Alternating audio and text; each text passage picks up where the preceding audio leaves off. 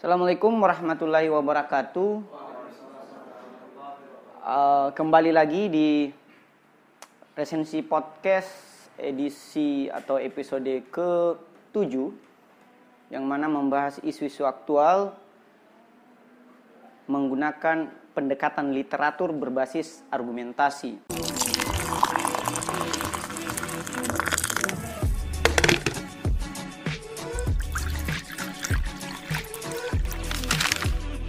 Kali ini tema yang kita angkat adalah benarkah jihad itu menghalalkan darah orang lain?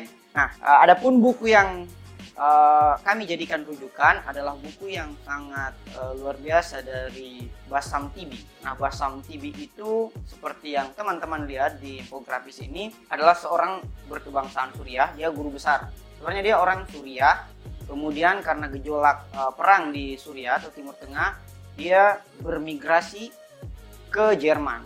Sehingga di Jerman kemudian dia menjadi seorang guru besar hubungan internasional, khususnya bidang Islamolog di Universitas Göttingen, Jerman.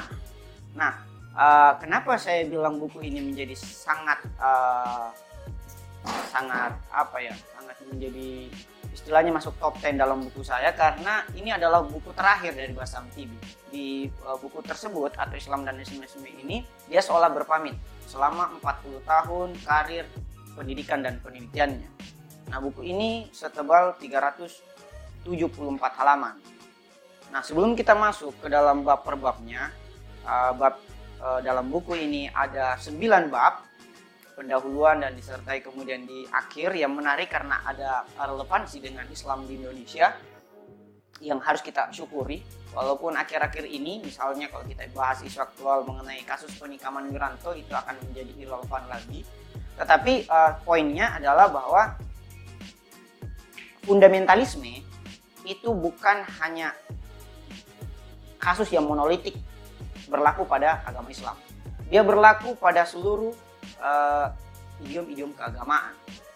Nanti kita akan bahas uh, ada beberapa agama-agama lainnya juga itu terpapar oleh fundamentalisme dan apa yang menyebabkan seseorang atau agama tertentu itu terserang oleh fundamentalisme atau gerakan fundamentalisme. Saya menjadi ingat misalnya kalau ada yang teman-teman nonton film biografinya Gandhi yang diperankan sangat apik oleh Ben Kingsley itu kalau tidak salah tahunnya 1984 lah. Jadi dia, film itu pemenang Oscar intinya.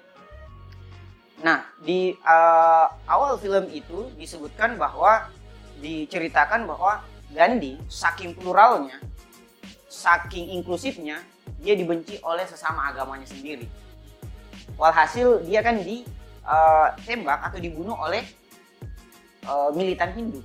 Padahal uh, Gandhi ini orang Hindu, yang tembak dia orang Hindu.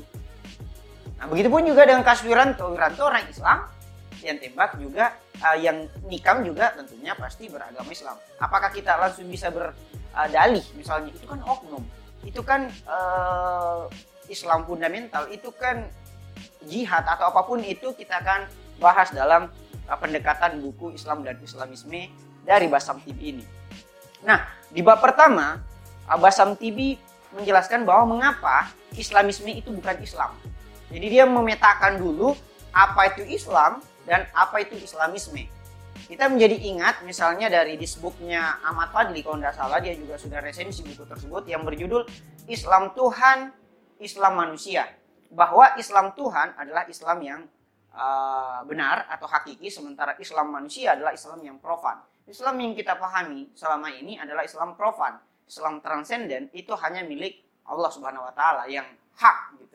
Kalau kita sebagai manusia atau sebagai individu atau sebagai makhluk ya Islam kita adalah Islam makhluk dalam artian kita tidak bisa mengidentifikasi atau mengidentikan Islamnya kita dengan kebenaran atau Islam kita dan Islam Tuhan. Islam Tuhan ya itu adalah penafsiran Tuhan itu sendiri.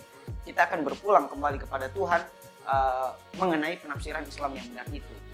So far siapa pun dari kita even itu sama agama, sama mazhab atau sama pengkaderan, sama pesantren pasti akan menjadi sebuah Islam yang manusia atau Islam yang sangat jamak gitu. Namun Islam saya sama dengan Islam kalian. Gitu. Minimal berbeda dalam tingkat pemahaman dan pengamalan kan. Nah, itu artinya kalau Islam Tuhan dan Islam manusia berbeda berdasarkan Haidar Bagir tadi, Islam dan Islamisme juga ini dari karya uh, Basam TV itu juga berbeda. Islam menurutnya adalah sebuah ajaran adiluhum atau agama, sementara Islamisme adalah gerakan politik yang diagamaisasikan. Saya ulang, Islam adalah agama adiluhum yang mengajarkan tentunya moralitas ketuhanan, sementara Islamisme adalah gerakan politik yang diagamaisasikan. Oke, jadi uh, tangkap dulu perbedaan itu bahwa supaya nanti kita bisa melihat secara uh, holistis apa itu Islam, apa itu Islamisme, apa yang dilakukan uh, jihadis yang satu, apa yang dilakukan oleh moralis yang lain. Bisa kita temukan karena sudah kita tahu rumusnya. Rumusnya adalah oh ini Islam, ini Islamisme. Sebentar kita kemudian uh, memasuki apa indikator yang uh, memungkinkan kita untuk mengetahui oh ini Islamisme, ini Islam. Ternyata ada enam pilarnya. Ada enam pilar Islamisme itu sendiri. Nah, Islamisme itu lahir bisa kita tandai pada tiga uh, kejadian besar di abad 20 dan awal abad 21 di abad 20-nya itu pada 1926 ketika kekhalifahan Turki Ottoman runtuh. Akhirnya negara-negara yang bersatu dalam uh, Khalifah Ataturk itu kemudian bercerai-berai dan dibagi-bagi oleh Inggris dan Prancis. You know lah, kalau teman-teman nonton The Lawrence of Arabia, The Lawrence of Arabia, itu situ jelaskan bagaimana Inggris dan Prancis yang memenangkan uh, Timur Tengah di abad 20 itu memeta-metakan. Di situlah kemudian ada Israel dikasih oleh Inggris, Afrika Utara itu oleh Prancis semua, Maroko, Mali, Mesir dan sebagainya dibagi-bagi. Nah, nah 1926 itu kemudian bangkitlah Islamisme. Karena kemudian dia merasa bahwa kita sudah punya negara sendiri, nasional sendiri, Arab Saudi ada, Yordania ada, Uni Emirat ada, Qatar ada. Kita kemudian bangkit. Islamisme kemudian bangkit 1926. Nah, uh, periode kedua yaitu periode ketika perang Teluk. Negara-negara Arab kalah melawan satu negara Israel. Negara-negara Arab yang bergerombol tuh kalah sama satu negara Indonesia pada tahun 1967. Situ semakin uh, telak perasaan kerinduan umat Islam terhadap suatu kekhalifahan tunggal. Nah puncaknya di periode ketiga itu pada tahun 2001 ketika tragedi WTC, so World Trade Center ta uh, tanggal eh, 11 bulan 9 tahun 2001 yang mana kita ketahui uh, lebih banyak propagandanya dibandingkan fakta yang terjadi dalam uh, tragedi tersebut. Nah, apa pun itu, setidaknya kita bisa merujuk bahwa kebangkitan agama atau apa yang oleh T disebut the return of the sacred atau kembalinya yang suci dalam tanda kutip tentunya uh, menjadi sebuah bahaya baru bagi kapitalisme.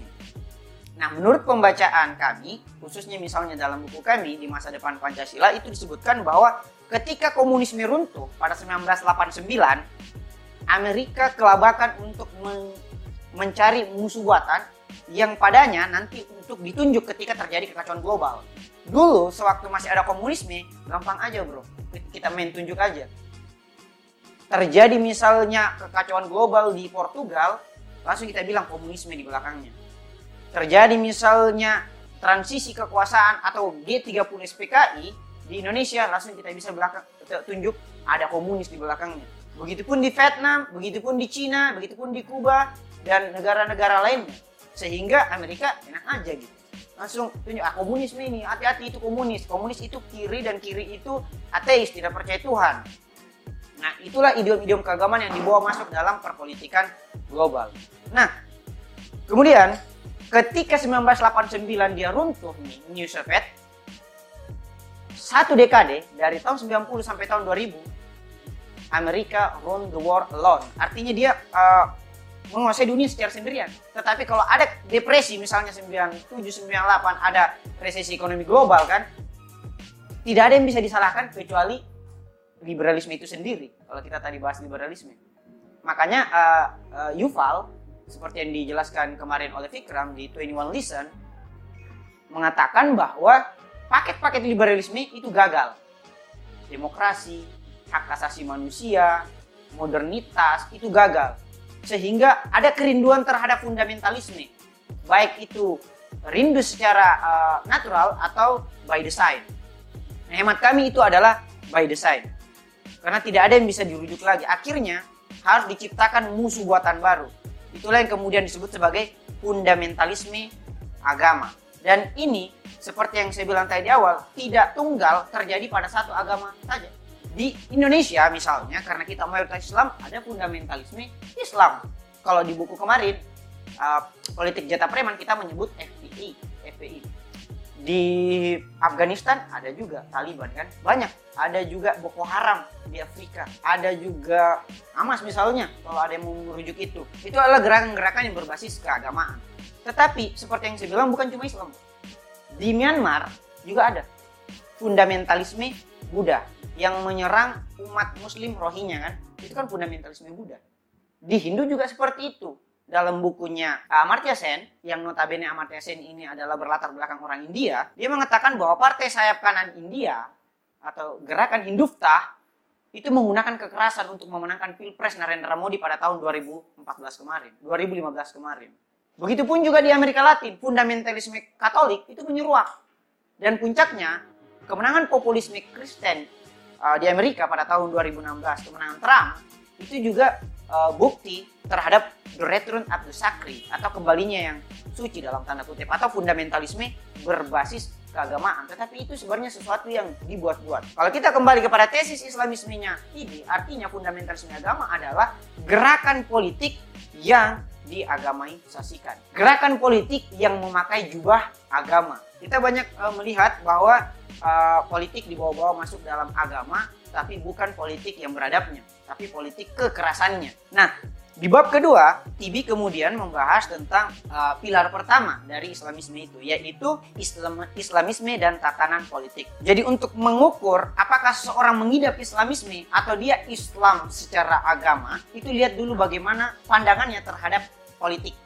Ketika dia mau merujuk pada satu nizam al-Islami atau pemerintahan Islam, ada kecenderungan Islamisme dalam uh, paradigma seseorang tersebut kalau dia sudah berbicara hilafah-hilafah, terus sementara hilafah yang dirujuk adalah hilafah tunggal menurut perspektif uh, ajarannya sendiri, uh, tanda-tanda Islamisme, gejala-gejala Islamisme sudah bisa kita temukan dalam diri orang tersebut. Nah, Islamisme sendiri itu dalam sebuah nizam al-Islami itu dipopulerkan oleh Said Kutub, Hasan al-Banna, dan Islamin lainnya. Padahal kalau kita bicara hilafah, ini kan sangat beragam. Hilafah yang mana nih bro? khilafahnya Turki tentu berbeda khilafahnya misalnya Lebanon. Ada Hamas di sana misalnya. Kalau di Turki ada Ikhwanul Muslimin. Di Afrika Utara ada Boko Haram, di Afghanistan ada Taliban. Banyak nih, belum lagi Iran misalnya, Republik Islamik Iran, Indonesia juga ada NU dan Muhammadiyah. Jadi khilafah yang mana nih? Kalau kita mau nanti bilang, ayo kita tunduk pada satu khilafah global, khilafah yang mana? Pan Islamisme yang seperti apa yang harus kita rujuk? Siapa tahu itu adalah paradigma fikih mazhabmu saja. Itu kan uh, sangat beragam, tidak tunggal. Nah, di bab ketiga kemudian uh, Basam Tibi menjelaskan indikator kedua dari seseorang yang mengadut, menganut Islamisme, yaitu dia selalu membawa uh, romantisme, romantisme, antisemitisme. Antisemis, antisemitisme, for your information, adalah uh, semacam slogan anti Yahudi. Nah, itu sebenarnya bermula pada saat peristiwa Holocaust kan. Holocaust kemudian orang benci terhadap Yahudi dan sebagainya. Uh, Nazi kemudian memberangus Yahudi. Sehingga kemudian yang terbentuk stigma di masyarakat global adalah Yahudi ini ditindas karena peristiwa Holocaust. Nah, tragedi Holocaust ini kemudian dicoba ditransliterasi, dicoba diadopsi ke dalam agama Islam atau lebih tepatnya Islamisme. Sehingga dia uh, sehingga penganut Islamisme ini merasa bahwa kita adalah Islam yang terkepung Islam yang dizalimi. Kalau ada idiom-idiom seperti ini kita ini terkepung kita ini dan sebagainya uh, adalah salah satu indikator Islamisme. Nah puncaknya ketika bukunya Said Kutub itu uh, tersebar di Timur Tengah yang berjudul Ma'rakutuna Ma'al al-Yahud atau pertarungan kita dengan kaum Yahudi jadi menurut Said Kutub kita dan Yahudi ini berada dalam suatu pertarungan kosmik, pertarungan yang hitam putih. Menurut saya kutub ini, Yahudi itu adalah musuh bagi kita dan kita adalah di pihak yang benar Islam. Sementara tentara salib Kristen adalah kaki tangan dari Yahudi. Itu pemikirannya saya kutub dalam bukunya yang sayangnya sangat viral di Timur Tengah. Inilah yang kemudian e, melandasi pemikiran-pemikiran Ikhwanul Muslimin dan sebagainya. Selanjutnya di bab keempat atau indikator ketiga dari Islamisme itu ketika seorang Islamisme itu berbicara tentang demokrasi. Bagaimana pandangannya terhadap demokrasi? Tentunya ada dua pendapat. Ada yang mengatakan bahwa tidak semua Islamis menolak demokrasi. Ada katanya Islamis institusional dan ada Islamis radikal. Tidak ada dua Islamis nih lagi. Sehingga pandangan terhadap Islamisme menimbulkan tiga perspektif. Satu menganggap, utamanya kaum Barat, Barat uh, uh, pakar-pakar Barat, pakar-pakar uh, luar negeri atau pakar-pakar militer Barat menganggap bahwa tidak semua Islamis itu radikal bos. Ada yang institusional atau moderat. Dia merujuk kepada partai AKP di Turki, Ikhwanul Muslimin misalnya di Mesir, atau PKS di Indonesia. Tidak semua Islamis itu radikal, ada yang moderat. Itu pandangan pertama. Pandangan kedua, pandangan Barat yang menyatakan tidak semua sama tidak ada itu Islam radikal, Islam Islam injasnya Islam itu agama pedang. Nah pandangan ketiga yang menolak tesis terhadap Islamisme ini adalah tentunya kalangan Islamisme sendiri. Dia menganggap bahwa tidak ada yang namanya Islamisme, yang ada itu Islam dan kita lah penganut Islam sejati. Yang lain itu saat. Nah itu ciri-ciri takfiri dalam uh, diri seorang Islamisme itu sangat uh, terbuka lebar, sangat dapat diidentifikasi kalau sudah dia merasa bahwa cuma dia yang benar, tidak ada demokrasi sejak dalam pikiran. Gitu yang ngapain kita diskusi, gitu. Kalau tidak ada demokrasi sejak dalam pikiran, kalau kau yang benar, ngapain kita diskusi? Makanya uh, Islamis yang institusional ini yang perlu kita identifikasi siapa sih mereka kalau Islamis radikal kan ya sudah nyata kan ISIS, Islamis radikal kan yang menggunakan cara-cara kekerasan, yang menggunakan kayu dalam mencapai tujuannya. Tapi Islami institusional ini yang susah karena dia seperti duri dalam daging atau musuh dalam selimut. Atau mantan yang kita gagal move on terhadapnya atau apa pun itulah namanya. Jadi uh, Islamis institusional ini biasa menggunakan demokrasi untuk melumpuhkan demokrasi itu sendiri. Oke, saya ulang. Islamis intensional ini, kenapa saya ulang? Karena kalian nganga.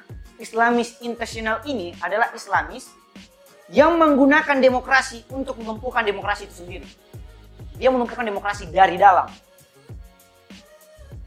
AKP di Turki melalui bocoran dari WikiLeaks Julian Assange itu menggunakan Islamisme bersayap. Islamisme merayap, sorry Islamisme merayap. Dalam artian dia menggunakan uh, pemilihan umum sebagai cara untuk mendongkrak elektabilitas dan kemudian meraih kekuasaan. Begitupun juga Ikhwanul Muslimin. Yang sebagian orang juga sebut sebagai mempunyai kesamaan dengan PKS. Dia gunakan saja pemilu untuk kemudian naik kekuasaan, di kekuasaan kemudian dia yang mengatur uh, jalannya sebuah demokrasi yang seperti apa yang seharusnya kita terapkan. Apakah dia mau mengusung hilafah? We don't know karena PKS belum uh, sampai saat ini belum pernah menjadi pemenang pemilu ya. Dia hanya uh, apa ya? bagian dari oposisi kalau dalam satu dekade belakang ini. Jadi kita tidak bisa mengukur itu di Indonesia tentunya. Siapa tahu PKS benar-benar demokratis atau dia adalah jelmaan masyumi atau dia jelmaan dari syarikat Islam? Kita tidak tahu. Atau bisa saja dia jelmaan dari AKP di Turki Wanul Muslimin atau bahkan ISIS. Kita tidak tahu. Nah di bab kelima Islamisme dan kekerasan. Islamism and violence. Nah ini juga menjadi indikator bagi uh, Islamisme. Poin keempat. Nah mengenai kekerasan yang kemudian menjadi tema pembicaraan kita malam ini atau jihad, dia menafsir ulang jihad itu. Dia melakukan reinterpretasi terhadap makna jihad. Jihad kemudian diartikan sebagai pertarungan berdarah dengan orang lain. Padahal jihad secara akar kata artinya bersungguh-sungguh dalam melakukan sesuatu kan. Bahkan jihad ini sangat beragam kalau kita mau merujuk pada hadis-hadis dari Rasulullah Shallallahu Alaihi Wasallam. Terkadang ketika, uh, ketika yang bertanya ini adalah orang yang misalnya takut terhadap perang, Rasulullah bersabda, sesungguhnya jihad terbesar adalah ikut dalam berperang. Nah, di lain waktu ada yang bertanya lagi, ya Rasulullah saya mau sekali ikut perang. Tetapi tidak ada yang jaga orang tua sementara dia sudah uzur sakit-sakitan. Rasulullah keluarkan hadis lagi nih. Sesungguhnya jihad terbesar adalah berkhidmat pada orang tua. Nah ada juga yang pernah bertanya, ya Rasulullah mau sekali kak saya ikut perang. Tapi tidak tahu kenapa tidak bisa kak tahan hawa nafsuku. Keluar lagi nih hadis. Sesungguhnya jihad terbesar adalah berjihad melawan nafsu. Jadi beragam ini hadis. Bahkan misalnya kalau itu ditanya pada kita, ya Rasulullah saya mau ikut perang. Tapi gagal move on ke sama mantanku. Gitu. Misalnya tuh, mungkin saja Rasulullah misalnya kalau di zaman kita dia akan dia sesungguhnya jihad terbesar adalah jihad terhadap melupakan mantan maybe ya. Itu artinya jihad itu kontekstual terhadap ketakutan-ketakutan terbesar per individu. Misalnya Albar takut sekali sama pacarnya, jihad terbesar adalah jihad melawan pacarnya maybe. Atau misalnya ya. Hmm? Misalnya Sapri misalnya, jihad terbesarnya adalah bagaimana dia bisa pede tanpa memakai topi bisa, bisa aja gitu ada hadis yang terbaru lagi. Itu artinya jihad itu kontekstual dengan ketakutan terbesar kita masing-masing. Kalau ketakutan terbesar kita adalah takut kasih berdarah-darah, dikasih ke jihad yang seperti itu. Bahwa jihad sesungguhnya adalah jihad ber, uh, dalam medan perang, jihad fisabilillah. Kalau ada orang yang takut apa lagi ya? Takut sama kehilangan hartanya misalnya. Padahal kaya juga kagak, tanya jihad terbesar adalah bersedekah. Misalnya kan itu artinya jihad ini bergantung pada ketakutan masing-masing. Supaya supaya tidak ada yang lebih besar tidak ada yang lebih ditakutkan kecuali Tuhan itu sendiri. Itu makna jihad yang saya pahami. Nah tetapi jihad kemudian direduksi maknanya sebagai berperang bro. Tidak semua kan padahal dalam ayat Quran juga ini disebutkan bahwa sesungguhnya janganlah uh, sesungguhnya janganlah kalian semua ikut ke dalam medan perang. Sisakanlah dua, dua tiga orang kah? Ya, seperti itu dua tiga orang untuk mendalami ilmu agama. Ada kan seperti itu? Itu artinya jihad itu tidak tunggal kepada medan kekerasan perang. Nah, jadi uh, jihad jangan ditafsir sebagai sesuatu yang tunggal aja gitu yaitu keras-kerasan dan sebagainya. Ini yang melegitimasi orang-orang untuk melakukan kekerasan. Walaupun ini tidak tunggal dalam Islam ya seperti yang kita bilang tadi banyak juga agama yang uh, menggunakan kekerasan. Nah bab keenam kita masuk kepada indikator kelima Islamisme dan hukum. Jadi ini indikator kelimanya. Bagaimana pandangannya terhadap hukum? Nah kemudian dia mengeneralisir bahwa oh, kita harus menegakkan syariat Islam seperti hilafah, syariat Islam yang mana nih yang mau diterapkan? Padahal dalam Al-Quran, kata syariat cuma satu kali disebut. Sini saya jelaskan kata Al-Quran, syariah itu cuma satu kali disebut, tepatnya dalam surah 45 ayat 18. Nah di dalamnya itu berbicara tentang penegakan amar ma'ruf nahi mungkar atau moralitas publik. Nah lengkapnya seperti ini. Kemudian kami jadikan kamu berada di atas suatu syariat dari urusan itu. Maka itulah syariat itu. Itu artinya syariat ini sebenarnya sifatnya universal. Atau kalau kita mau padankan, moralitas. Syariat itu ya moralitas. Jangan direduksi menjadi sebuah paradigma fikih. Bahwa syariat itu ya sesuai dengan fikih saya gitu.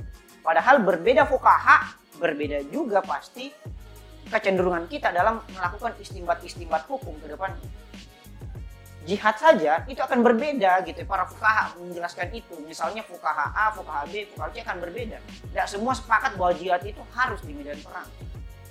Bahkan ada hadis dari uh, Imam Ja'far Asadi menyebutkan bahwa bahkan dibuatkan buku tersendiri bahwa jihad pena lebih utama dibandingkan jihad pedang. Itu ada dalam buku jihad ilmu. Artinya jihad ini sangat plural tidak jamak begitupun dengan uh, hukum, hukum atau syariat kemudian dipaksakan keberlakuannya hanya pada uh, satu paradigma fikih saja. Padahal ini sangat jamak, sangat plural. Beda-beda fukaha, ya beda lagi nih uh, istimbat hukumnya ya. syariat ini di situ yang kita ambil atau dalam bahasa hukum positif apa dalam hukum uh, Indonesia itu namanya sumber hukum material. Nah, syariat itu sumber hukum material. Jangan diformalisasi gitu menjadi undang-undang toh. Nah, di bab ketujuh, Islamisme, kemurnian dan autentisitas. Ini biasa kita uh, dengar, misalnya, ya Islam yang benar itu yang sesuai dengan Al-Quran dan hadis.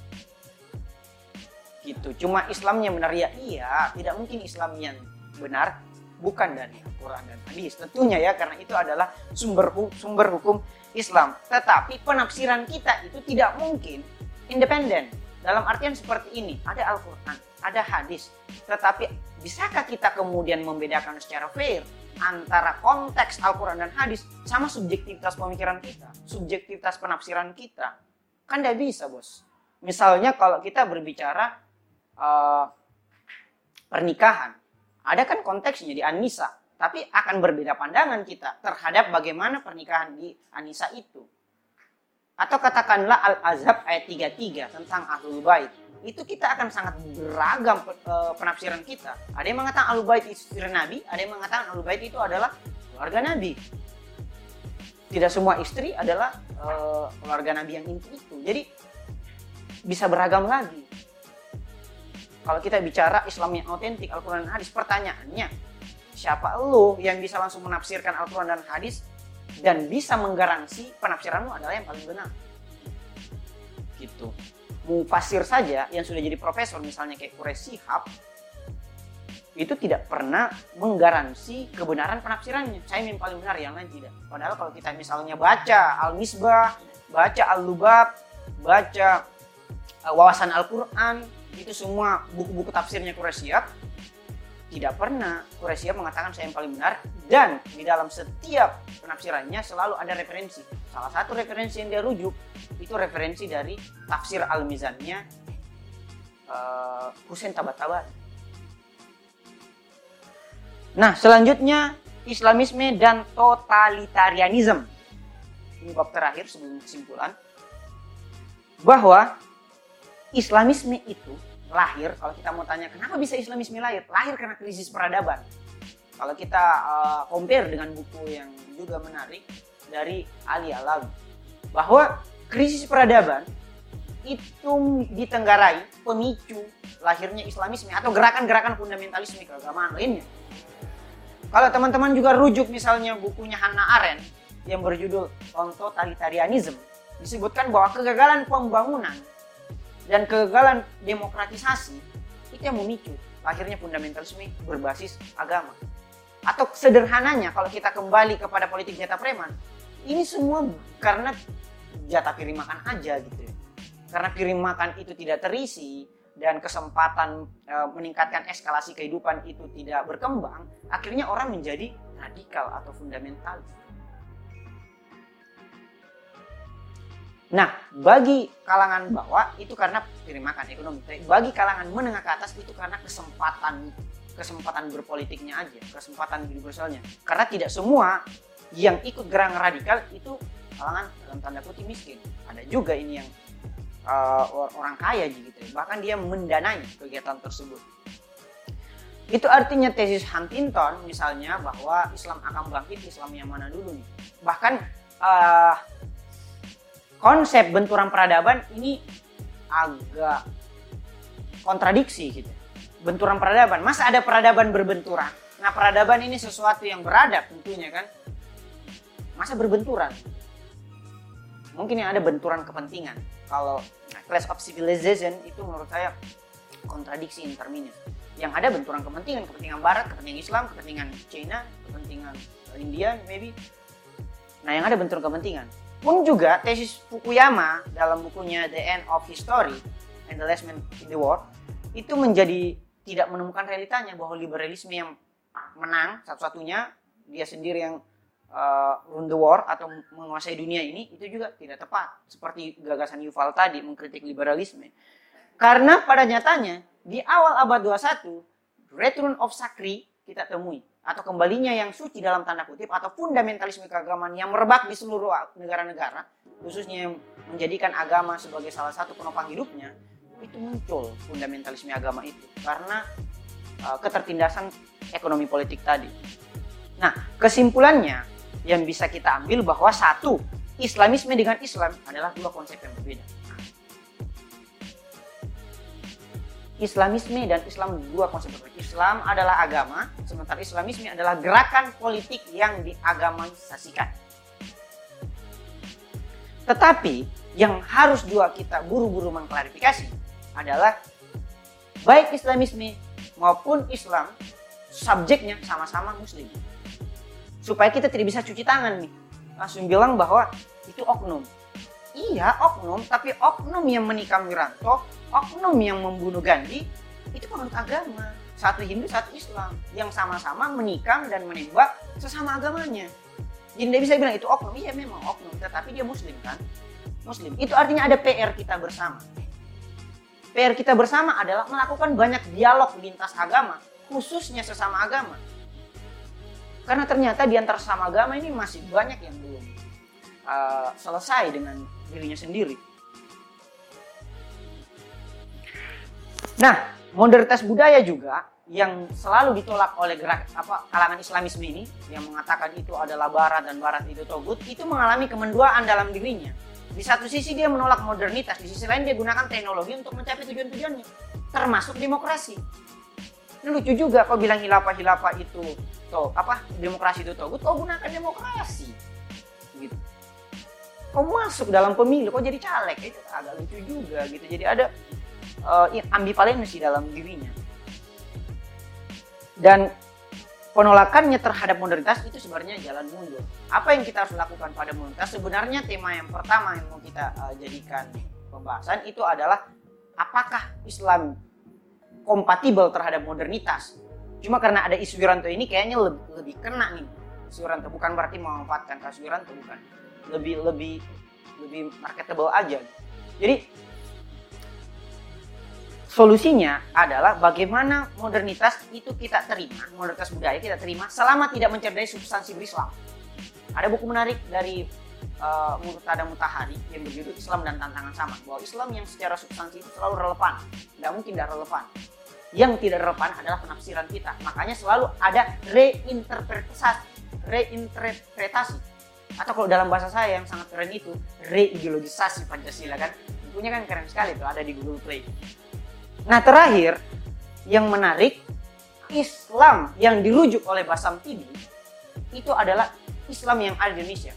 Yang kemudian ia sebut sebagai Islam sipil, atau Islam madani, atau Islam beradab Sebenarnya ini merujuk kepada gagasannya Paul Faulkner yang berjudul sama, Sipil Islam. Yang dia rujuk kepada Indonesia pasca Soeharto dan kalau tidak salah satunya Maroko.